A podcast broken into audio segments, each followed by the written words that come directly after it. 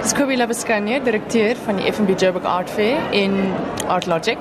Dit is ons 9de jaar wat ons die Art Fair aanbied. Dit is die grootste kuns vir die visuele kunste in in Johannesburg en in die land en op die kontinent.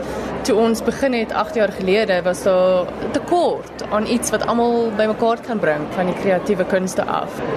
Hoe is vanjaar anders as die vorige jare? Wel is heel wat groter. Ons het amper dubbel die hoeveelheid mense wat ons laas jaar gehad het en wat spasies geneem het. Ons het 'n groot fokus op Oos-Afrika. Dit is wat vir ons besoekers iets anders gee. Baie van die van die kunswerke is nuut en spesiaal gemaak vir die Joburg Art Fair, maar hierdie element van Oos-Afrika kan hulle regtig op geen ander plek sien as hier by die Art Fair nie. Jy sê die fokus is hoofsaaklik op Afrika, maar van die galery hierso is van ander kontinente ook af. Mm. En hulle toon ook daai belangstelling in Afrika. Ja, ja, ja. So dink jy dat dit eintlik 'n tendens is wat juis deur die wêreld groei? Natuurlik, ja. Oor die afgelope 9 jaar, ek kan nie vir jou sê hoe baie dit gegroei het nie.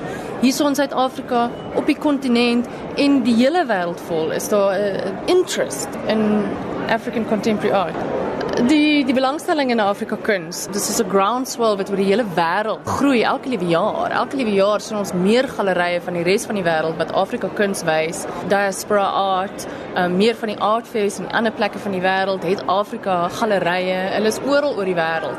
En ek moet vir jou sê 9 jaar gelede was dit nie so nie. So dit so die growth is ongelooflik. Wat is van die elemente wat mense so laat belangstel in hierdie tipe Afrika kuns? Ag mense sê dat daar 'n tipe van 'n energie is wat mense nie in ander lande kan kry nie. Daar's 'n ander tipe subject matter, daar's ander omstandighede wat mense laat verskillende werke probeer maak, maar ek dink is ook maar iets nuuts, jy weet. Dit is iets wat mense nog nie gesien het soveel nie, maar ek dink dit is baie ryk ook.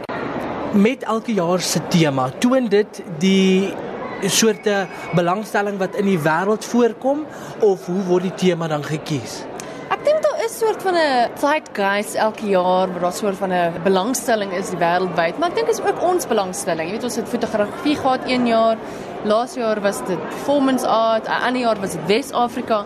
So ons kyk ook maar wat na ons kant toe kom en wat gaan werk, maar ons is, ons wou baie graag, jy weet nou in ons 9de jaar op Oos-Afrika gefokus het. Ons het dit nog nie gedoen nie en daar's baie opwindende kuns wat nou daar uitkom. Ongechi Muti vir as 'n voorbeeld, uh stal oral oor die wêreld uit en daar's die Les Collective en Jim Chuchu ook kunstenaars wat oral oor die wêreld uitstal. So daar daar's iets opwindend wat in Oos-Afrika aangaan watter kwessies en sosiale omstandighede kom voor? Weet jy dit is so eh, veelensijdig soos wat die kunstenare is. Party mense, jy weet party van die kunstenare gaan terug na waar hulle groot geword het. Ander is baie polities en daar's baie politieke aanmerke om te maak oor die jy weet lewe in Afrika, lewe in in die res van die wêreld. Um ander is glad nie gepla met enigste van daai elemente nie en hulle is net geïnteresseerd in kleur en merke.